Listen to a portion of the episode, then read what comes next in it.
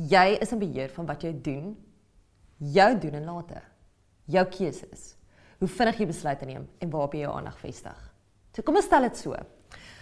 Um wat was jou heel eerste gedagte vanoggend? Toe jy wakker word. Het jy gestrek om jou selfoon op te tel om deur die hoogtepunte van sosiale media te blaai of het jy na die nuus op televisie gestaar? Was dit dalk daai die neelgeleide van jou kinders wat jou by die voordeur uitgehelp het of was dit die vrees van nog 'n dag waarvan jy nie kan sien wat jou begroet het nie? Wat was dit? Weet studies het getoon dat die algemene mens 110 keer per dag na sy of haar foon kyk. 110 keer. Sosiale media studies het ook bewys dat meeste mense aandag dan skenk aan ten minste 3 verskillende algemene take en dit dan gelyktydig suksesvol uitvoer. Byvoorbeeld, ehm um, 'n gesprek volg, dokumente tik en eet of tweet, loop en eet en rigting hou. Mhm. Mm of na manlief luister, sosiale media kyk, die nuus op TV dophou, ehm um, en kos maak dit terwyl die kosblikke gepak word en dan nog die grocery lysie gemaak word. I rest my case. Die sosiale media netwerk Twitter sy oorspronklike naam was eintlik eers TWTTR, Twitter sonder die i. Dit het Twitter 3 jaar, 2 maande en 1 dag geneem om 'n biljoen volgelinge te kry. Vandag neem dit slegs 1 week om 'n biljoen tweets te kry. Meer as 35 miljoen Facebook gebruikers opdateer hulle status daagliks. En meer as 2.5 biljoen foto's word maandeliks opgelaai.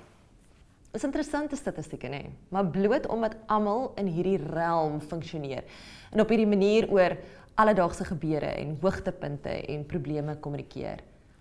Ek dink die vraag is egter hoe groot rol speel sosiale media in my en jou lewe en die manier hoe jy na jouself kyk en die dinge om jou.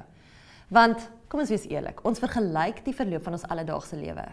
Ek dink so oorlaai met rotines van werk en studeer en kinders en huishou met die hoogtepunte van ons vriende op Twitter en Instagram en Facebook.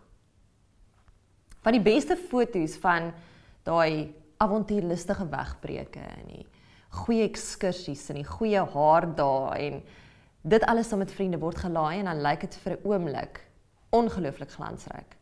En kort voor lank vind jy jouself ontevrede in die werk waar jy is, die huis waarin jy woon, die die tipe vakansies wat ek en jy hou. Net om met ons osself met die hoogtepunte van vriende op Facebook en op Insta vergelyk.